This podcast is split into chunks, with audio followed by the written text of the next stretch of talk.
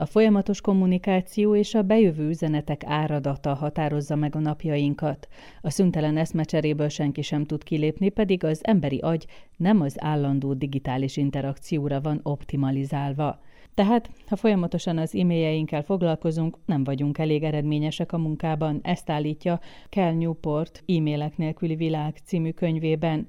A szerző az informatika tudomány docense és hatékonyság szakértő számos eset tanulmányt bemutat a könyvben, és nem csak arra világít rá, mennyire hibás a mai munkamódszerünk, de iránymutatást is ad, miként tudnánk másként dolgozni. Dojcsák Dániel, a Shiva Force marketing kommunikációs igazgatója ül itt velem a stúdióban, hogy beszélgessünk erről a könyvről, amelynek címe azért első látásra elég sokkoló, hiszen a 21. századi gyors kommunikáció egyik legfontosabb eszköze az e-mail. Elképzelni sem tudjuk, milyen lenne nélküle élni. Valószínűleg sokan, hogyha meglátják ezt a polcon, ezt a könyv címet, hogy e-mailek nélkül világ, akkor egy kicsit ilyen, ilyen izgatottan, vagy vágyakozva veszik le, hogy vajon miről szólhat ez a könyv, mert, mert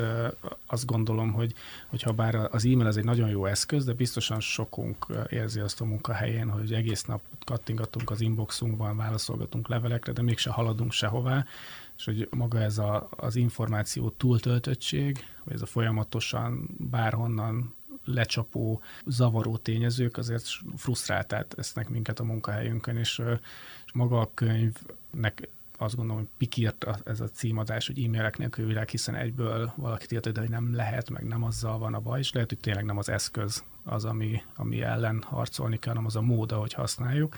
De hogyha Newportnak a, az eredetileg bevezetett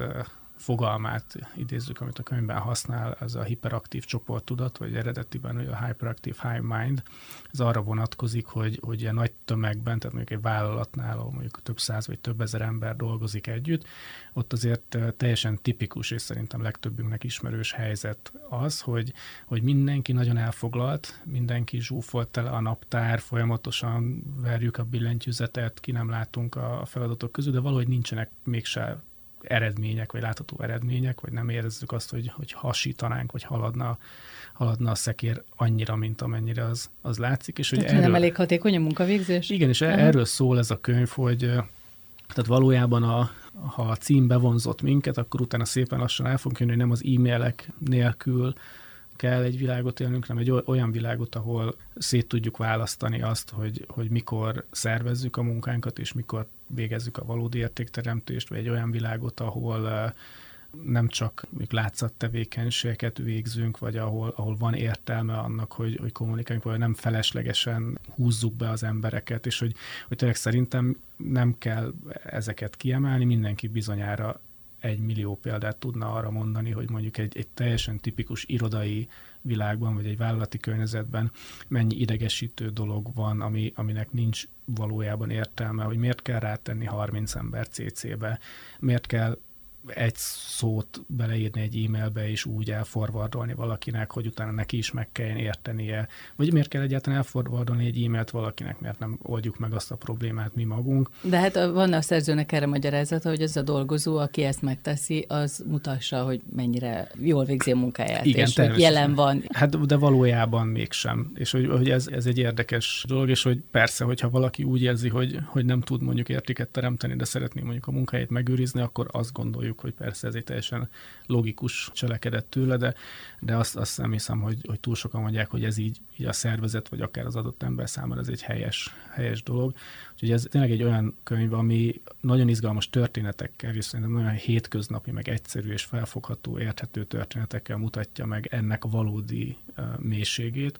hogy mi a probléma, és nyilván annyit elárulhatunk előre, hogy nem önmagában az, hogy az e-mail létezik. Majd arról, hogy milyen típusú történetek vannak, erről beszéljünk, mert tényleg az őskorig eljutunk, és nem tudom, George Marshallig eljutunk, a háború menetéig, a, a CIA csőpostájáig, szóval, hogy csak az elejéről vegyek néhányat, hogy tényleg hihetetlen példákat hoz, hogy bizonyos szempontból miért van szükség erre az állandó kommunikációra, vagy a kommunikáció fenntartására, De ugye külön veszi, hogy egy vezetőt hogyan érint ez a nyomás, hogy folyamatosan jönnek az e-mailek, és több száz e-mailre kellene válaszolnia, és hogy egy munkavállalót hogyan érint. Tehát, hogy a vezetőnek mit kellene ezzel tennie, és hogy a munkavállalóban inkább ez a szorongás, vagy ez a mentális probléma az, ami jobban jelentkezik. Igen, ez a könyvben is előjön, és azt gondolom, hogy, hogy a valóságban is az, az egyik legfájdalmasabb pont, hogy hogy a, az e-mail, amikor kitaláltak, ugye általában ugye az ilyen vállalati kommunikációs eszközök, még egy olyan korszakban születtek, amikor, amikor tényleg az volt, és a könyvben is ez a, a csőpostás, meg úgy általában ez a gurulókocsis vállalati postásnak a gyakorlata, amikor én, én találkozok egy problémával, vagy megoldok valamit, és annak lesz egy eredménye, és erről szeretném egy, egy vállalati munkatársamat értesíteni, akkor ők írtak és kinyomtattak egy üzenetet, és azt beletették egy borítékba, vagy egy mappába, azt a bácsi eltolta a kiskocsin, elvitte egy másik részlegre, azt ott kibontották, megold, és visszaküldte, ennek azért volt, volt időbeni eltolódottsága, és most ezekkel a digitális eszközökkel, meg a mobil internettel eljutottunk oda, hogy hogy ez az üzenet, az, az kipattan az én fejemből, azonnal egy billentyűzetem vagy egy érintőképernyőn azt, azt le tudom gépelni, és abban a, a tized másodpercben jön egy kis notification valakinek, hogy, hogy ezt én elküldtem neki. És ő abban a pillanatban megnézi, és akár tud is rá válaszolni, és azért lássuk be, hogy, hogy akkor ezeknek az üzenetváltásoknak a mélysége az, az nagyon lecsökkent. Ezek nagyon sekélyes, felszínes kommunikációkká tudnak válni. És sok félreértést tartalmaz arról nem is, arról nem is beszélve, igen. Nem mert pontosítunk közben. Mert uh, egyrészt lendrián módon is írjuk, másrészt ugye az érzelmek a, a smiley-kon keresztül tudnak csak maximum utazni, vagy a, a a caps lockot, hogyha valaki benyomja, de hogy, hogy alapjában igen könnyű félreérteni is, és a, az, az rengeteg frusztrációt okoz, hogy ezek bármikor eltalálhatnak minket, és lehet, hogy egyébként eddig is volt valaki, aki este nézte át azt a dolgot, de lehet, hogy csak másnap reggel tudott hozzám odajönni, vagy tudott küldeni egy, egy erről egy értesítést. Most este 11-kor is megérkezhet, vagy hajnal egykor is az a, az, az e-mail, vagy az a, az a Slack üzenet és mind, ahogy egyébként az Instagramon, vagy a Facebookon is rendkívül idegesítő, vagy, vagy frusztráló az, hogy, hogy nézegettem, hogy lájkoltál már valaki a képeimet, vagy jötte még egy üzenet, vagy, vagy hogyha még egyszer lehúzom a feedet, akkor frissül, akkor van-e valami újdonság. Ugyanezt csináljuk a vállalati üzeneteinkkel is, csak annyi, annyi a különbség, hogy ott az egzisztenciánk is benne van a, a képletben és hogy nem csak úgy a kíváncsiság hajt minket, hogy most vajon a Józsi vagy a Gizi lájkolta azt a fotónkat, amit kitettünk, hanem, hanem az, az múlik, hogy vajon akkor a főnökön mit szólt hozzá, válaszolta, már látta-e már, ugye ez még, még frusztrálóbb, és ugye a könyv e-mailek nélküli világról beszél, de az azonnali üzenet küldők talán még károsabbak a, a pszichológiai biztonságra, hiszen ilyen funkciók teljesen hétköznapiak, hogy látom, hogy valaki éppen egy üzenetet ír nekem, és hogy látom, hogy ott az a három pötty az megy, megy, megy, és hogy vajon mikor fogja elküldeni, és elküldi, és lehet, hogy utána már nem látom, hogy ír, és mi történt, meggondolta magát. Az is lehet, hogy csak oda kattintott a szövegmezőbe, és utána elkattintott onnan, de én már is frusztrált vagyok attól, hogy ő, ő nem írt meg nekem egy üzenetet, vagy a, látom, hogy, hogy megkapta, vagy nem kapta, meg látom, hogy a kolléga éppen online van, vagy nincs online. Tehát ezek, ezek mind, mind így, így gyakorlatilag a, ami ősember agyunknak ezek olyan ingerek, amivel nem tudunk, nem tudunk mit kezdeni, és főleg nem 7 per 24-ben. Uh-huh. Vállalatvezetőkkel kapcsolatban írja a szerző, hogy hogy egy személyes találkozás, egy gyors személyes találkozás sokkal több mindent megoldhat, mint egy e-mail, de hát ez a rendszer ezért van, hogy ne kelljen oda menni fizikailag találkozni, de ő azt mondja, hogy van ennek előnye is, mert ugye ketté bontja, tehát írja, hogy mi szól az e-mailek mellett, és mi szól ellenük. És mondtam az előbb is már, hogy, hogy az e-mail önmagában ugye semmi nincs baj, baj. de hogy mm. magát a fegyvernemet azt mindig minden csata előtt illik megválasztom, és nagyon sokszor uh, futunk bele mi is abba, hogy mondjuk négyen, öten egy, egy csapaton belül mondjuk valamin dolgozunk, és egy vitás kérdés előkerül, repkednek az e-mailek, jönnek, az is lehet, hogy valaki éppen egy megbeszélésen ő kimarad abból, de hogyha ha érzékeljük, hogy egyébként partalan már ez az egész beszélgetés, akkor tényleg lehet azért srácok 15 percre, akár egyébként egy online Google Meet-be ugorjunk már be, és akkor tisztázzuk le, és menjünk tovább, vagy mondjuk egy időpont keresés mondjuk két elfoglalt ember között, az nagyon vicces, de általában ilyen 30-40 levélváltás is lehet, de egyébként simán lehet, hogy egy kettő perces telefonhívással amikor szinkronban vagyunk, akkor az, az megoldódna. Mégis az e-mail nek a legnagyobb értéke az pont az, hogy nem kell egy helyen és egy időben lennünk, és bármikor tudunk válaszolni. A, legnagyobb hátrány, hogy mostanában úgy kezdjük el használni, mint egy azonnali, azonnali eszközt. Tehát, hogyha elhisszük azt, hogy nem haragszik az a másik, hogyha 24 órával később akkor válaszolunk, amikor már van is mit mondani, akkor, akkor ez egy jó eszköz. De hogyha ha frusztrál minket az, hogy kaptunk egy levelet, és hogy erre minél hamarabb valamit reagálni kell, és inkább írok egy, egy semmit mondó választ még anélkül, hogy tudnék neki értéket adni, akkor egy, akkor egy rossz eszköz. Érdekes arról olvasni, hogy mennyire nem tudnak koncentrálni egyébként ettől nagyon sokan nyilván egy cégen belül, és ugye megoldásokat is kínál a könyv, hogy vagy a, az időintervallumot kell csökkenteni, amikor a 8 órás munkaidőből az e-mailek megválaszolásával foglalkozunk, vagy ugye feladattábláról ír, meg számos más eszközt is behoz. Neked melyik volt a legrokonszenvesebb? Hát ez megint csak szituációfüggő, és hogyha bármelyiket is egyedüliként kiemelném, akkor szerintem ugyanazt a hibát követném mintha csak e-maileznék, de, de talán azt a példát tudom elmondani, hogy a Sivaforce agilis transformációs projekteket is csinálunk, és soha nem tűztük ki célul azt mondjuk egyik ügyfelünknél sem, vagy egyik ügyfelünk sem kérte tőlünk azt, hogy csökkenjen az elküldött vagy a megkapott e-mailek száma, tehát hogy ez nem, nem volt sem egy KPI, sem, és valószínűleg nem is gondolta erre senki, hanem, hanem mindenki csak azt szerette volna, hogy van egy folyamatunk, és egyébként azt látjuk, hogy nem halad olyan jól, az emberek leterheltek, vagy rosszul érzik magukat, vagy még bizonyos feladatok kiesnek, tehát ezeket akarták orvosolni, de azt, azt látjuk, hogy, hogy ha, ha belekezdünk egy, egy ilyen fejlesztésben, akkor átgondoljuk, hogy akkor a folyamatban kik a szereplők, milyen lépések vannak, és milyen eszközöket használunk, hogy ezeket rendbe rakjuk, akkor mégiscsak úgy tűnik, hogy, hogy a végén csökkenni fog az elküldött e-mailek száma. Nem lett tilos senkinek e-maileket küldeni, de, de hogyha ha én, én egy dolgozóként tudom, hogy mi a feladatom, megvannak hozzá a megfelelő információim, és tiszta az egyébként, hogy, hogy mi a következő lépés, akkor nem, nem kezdek el irogatni, meg kapkodni össze-vissza. Ha viszont bizonytalan vagyok, akkor sokkal hamarabb teszek fel akkor kérdéseket, megyek emberekhez, és ennek ugye a legnagyobb hátránya nem az, hogy én nem dolgozom, hanem az, hogy más emberek munkáját megszakítom.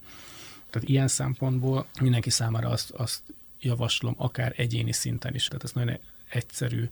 nek tűnik, bár utána később bonyolódhat, de rendbe rakni, hogy megnézni azt, hogy kikkel és hogyan kommunikálok, hogyan dolgozok, és persze egyébként egy e-mailezés, vagy az is lehet, hogy egy napi egyszeri telefonhívás, az mondjuk két ember viszonyában az, az egy nagyon jó eszköz, de hogyha mondjuk egy 300 fő szervezetből vagyok, akkor ott már nem engedhetem meg azt, hogy mindenki telefonon keresztül vitassa meg a problémáit. Ott már bizony egy, egy, egy feladatkezelő, vagy mondjuk egy olyan tudástár, vagy egy olyan, olyan környezet, ami ezt, ezt segíti, az, az elkerülhetetlen. Még a könyv elején kiírtam magamnak, most eszembe jutott, hogy a szűrő milyen fontos eszköz, hogy rengeteg olyan adminisztrációs e-mail érkezik, amiről az elején is beszéltél, hogy, hogy igazából információt nem hordoz, és hogy erre lehet szűrni, ezt például bátran lehet használni, a írja a szerző. Annyira megdöbbentő, hogy ezzel foglalkozni kell, hogy ezzel egy egész könyv foglalkozik, nem kis terjedelemben, amiről azt gondolod, hogy evidencia, hogy ezt az ember megteszi. Azért is tűnik evidenciának, és ez egy életkor függő dolog, de hogy, hogy szerintem ma már a munkaerőpiacon lévő legtöbb embernek eh, ez egy ilyen vele született dolog, teszem a legtöbbünk már évtizedek óta úgy dolgozik, hogy, hogy, hogy e-mail rendszerek vannak, és lát, ráadásul ezek azért szép lassan, fokozatosan olvadtak bele a, a munkavilágába, és mint olyan így nem, nem kérdőjelezzük meg, tehát hogy, hogy a megszokás az, az ilyen szempontból egy, egy talán egy káros dolog, és hogyha ha valamit megkérdezünk, ezt miért csináljuk így, hogyha arra az a azonnali automatikus válasz, hogy azért, mert így szoktuk, vagy mert mindig is így volt, az egyébként valószínűleg azt jelenti, hogy érdemes ezt felásni, és nem is tudom, hogy hol hallottam ezt a példát, hogy egy ilyen kis anekdota, hogy a lány megkérdezte az anyukáját, hogy a tudom, a húsvéti kacsának a farát, azt mielőtt a sütőbe beteszi, mindig levágja, és azt külön sütik meg, és akkor miért, hogy nem tudom, kérdez meg a nagymamádat. Megkérdezte, és ment fel, és a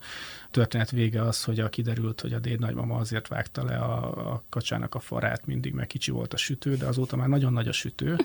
és nem kell levágni a kacsának a, a farát, ez semmilyen funkciója nincs, hanem maximum csak egy rituál, és egyébként így meg lehet tartani, de hogyha nem tudjuk, hogy miért történt, és csak csináljuk, akkor, akkor az, az főleg egy vállalati környezetben elég veszélyes lehet. Valószínűleg sokan akik most hallgatnak minket, mondanak egy olyan szempontot, ami talán az egyik legjellemzőbb a 21. században, te is érintetted már az előbb, és ugye az egyik fejezet azzal kezdődik, hogy 2017-ben a franciáknál lépett életbe ez a kijelentkezéshez való jog. És ugye ez a kiégés ellen védi a munkavállalót. Kérdés, hogy hány cégnél engedik ezt? Tök jó, hogy, behoztad a, a kiégés fogalmát, mert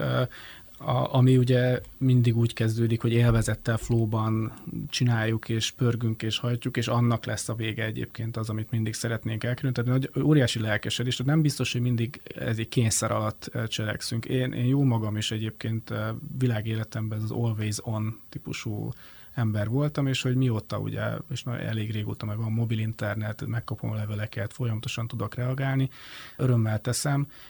senki nem kényszerített rá, de egyébként amikor egy olyan környezetbe kerültem, ahol, ahol ez egy bizonyos határ túllépett, akkor kénytelen voltam is ezeket lezárni, és elkezdeni olyan, olyan gyakorlatokat, hogy ezek ne érjenek el. Ez, ez szerintem mindenki egyénileg is tudja szabályozni, és nagyon sokszor nem hisszük el, hogy, hogy mondhatunk nemet. És hogy persze tudom, hogy nagyon sok vállalatban nem lehet nemet mondani, de akkor az is lehet, hogy le lehet cserélni azt a munkahelyet, és ugye még továbbra is azért szűk a munkerőpiac, tehát hogy valószínűleg az emberek többségének erre, hogyha van akarata, akkor talán lehetősége is, de, de hogy szerintem sokszor ez lelkesedésből történik, és saját magunknál is most pont az, a kollégáknál felvetődött, hogy hogy most ugye már a remote munka az, az teljesen elfogadott, és nálunk is ugye a rendszerek azok úgy működnek már több éve, tehát a Covid előtt is, hogy egyébként ez alkalmas arra, hogy, hogy távolról is ugyanolyan értékkel dolgozzon valaki, hogy, hogy elindult, így, hogyha valaki beteg, vagy egy kicsit beteg, akkor nem beteg szabadságra megy, hanem dolgozik csak otthonról. És hogy, hogy ezt nem is gondoltuk, hogy ez probléma, csak elkezdték a, a kollégák vagy a vezetők észlelni, hogy ez, ez történik, és hogy, hogy senki nem kényszerítette ezeket az embereket, hogy, hogy ezt csinálják, hanem, hanem van benne egy belső vágy, egy, egy kötelességtudat, egy tudom, hogy akkor utána több lesz a munkám, és, és hogy ez, ez nem biztos, hogy mindig egy nyomás a vállalat részéről, sokszor egyébként az emberek önmaguk generálják, és ennek minden variáció igaz. Valószínűleg az segíthet, hogy a vállalaton belül is erről beszélgetnek, vagy a vezetőkkel beszélgetnek. Több olyan ismerősöm is van, aki aki azt mondta, hogy ő nem gondolta egyébként, hogy a kollégáinak probléma az, hogy, hogy mondjuk így működik a, a, a belső szervezeti egységük, de amikor ismétlődően ez így visszatért, ez húzott egyet, meg változtatott rajta, és tényleg kiderült, hogy, hogy ez sokat segít. Tehát, hogy, hogy nagyon sokszor elég, elég az, hogyha erről beszélnek, vagy jelzik az emberek, és ugye ha, ha most a könyvről beszélgettünk, az e-mailek nélküli lelkönyvben nagyon sok olyan történet van, ami muníciót tud szolgálni ezekhez a beszélgetésekhez, és be lehet vinni kérdésként, vagy példaként, hogy, hogyha ezt, ezt elolvastuk, akár egy meetingre, vagy akár egy éves értékelésen elmondani. Hogy ilyen szempontból valószínűleg érdemes rászállni azt a néhány órát a könyv elolvasására, hogy ezzel valaki így felvértezze magát. Van olyan sztori, ami neked különösen érdekes volt? Most például eszembe jutott itt a, a vezetőtől kapott e kapcsán, hogy az embernek van egy goromba vezetője, aki még este nyolckor is ledorongoló e-maileket ír, mert biztos van ilyen, akkor ez tényleg meg tudja keseríteni az ember életét, napi nyolc órában is, de azon túl meg mindenképpen, nem? Igen, és ugye ilyen szempontból ugye a, a céges mobil és a mobil internet az, az áldás vagy átok, ezt fel lehet tenni, mert, mert azért tényleg, talán a fiataloknál is, azért most ugrok egy nagyot, hogy a, a gyerekeknél látszik most az, hogy az egy óriási uh, negatívum, hogy mondjuk valakit, hogy a cikiztek az iskolába, ő, hogyha utána hazament, akkor a szomszéd gyerekek nem tudták, hogy az iskolába miért cikizték, tehát hogy teljes, vagy másért cikizték, vagy semmiért, és akkor ott érezte, hogy egyébként az a benti, az, az nem ő, hanem, hanem az annak a kontextusnak, közösségnek, közösségnek uh-huh. szól. Uh-huh. Most viszont ugye minden gyereknek van uh, saját mobilja, és este nyolckor is még, még cikizik azt a gyereket a messengeren, és szándékosan, és nyomkodják, és ugye erre nagyon sokat beszélgetnek, hogy ez iszonyat ártalmas, és ez a munkában is ugyanez van, hogyha ha én, én hazamegyek és nem tudom kikapcsolni, vagy nincs meg a lehetőségem, akkor elhiszem azt, hogy amit ott állítanak rólam, az, az igaz. Tehát ilyen szempontból ez, ez biztos, hogy egy, egy, egy kezelendő. És ugye kérdezted, hogy, hogy melyik, melyik uh-huh. történet volt a kedvencem, és akkor egy kicsit így visszaugranék az előzőre, és van egy, egy vitatott sztori, és utána olvastam, a könyvben nem derül ki, hogy vitatott egyébként, de történészek kételkednek benne, hogy tényleg így van, de hogy a feudalizmus kialakulásához a kengyelnek a felfedezése vezet, és ez azért tetszett ez a történet, mert nagyon sok, tehát technológiai újságíróként is, meg IT-ban dolgozó emberek, és nagyon sok olyan dologgal találkoztam, ami, amit először kitaláltak, óriási innováció, imádtuk, hurrá, tűzjáték, majd néhány évvel később, és egyébként az egész social media és nagyon sok dolog ide tartozik, néhány évvel később szembesültünk, hogy,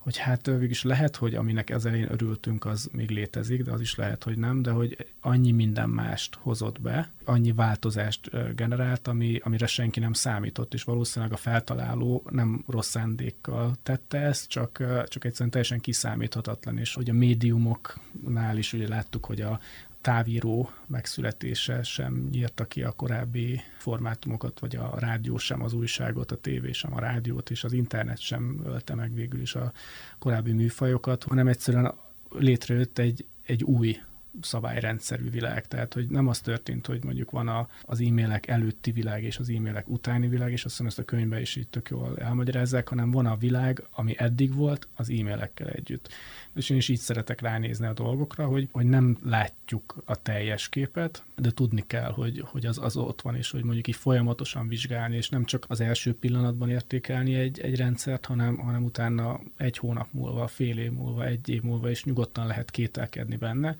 és hogy az egész könyv nekem, nekem azért tetszett, mert, mert valami annyira triviális dolgot kérdőjelez meg, amit nem jutott volna eszünkbe megkérdőjelezni. A ti cégeteknek miért fontos, hogy bizonyos könyvek a ti támogatásotokkal jelenjenek meg Magyarországon? Szóval nem ez az első alkalom, hogy könyvről beszélünk. Ezt két oldalról is meg tudom közelíteni. Egyrészt mi, mi magunk is folyamatosan tanulunk, és ugye azt gondolom, hogy nálunk a cégben csak tudásmunkások dolgoznak, ez is nagyon szerencsés helyzet. Tehát magunk is fontosnak találjuk, hogy hozzánk eljussanak ezek a dolgok, és óriás örömmel olvastuk egyébként azokat a könyveket, amiket korábban kiadtunk, meg, megtaláltunk, és most már nyilván egy szokássá vagy hagyományá is vált, de eleinte pusztán csak az, az a tény inspirálta a, céget erre, hogy, hogyha mi találtunk valamit, azt szerettünk volna megosztani. És ugye az ügyfeleinknek alapjában éve a korábbi években főleg mondjuk valamilyen IT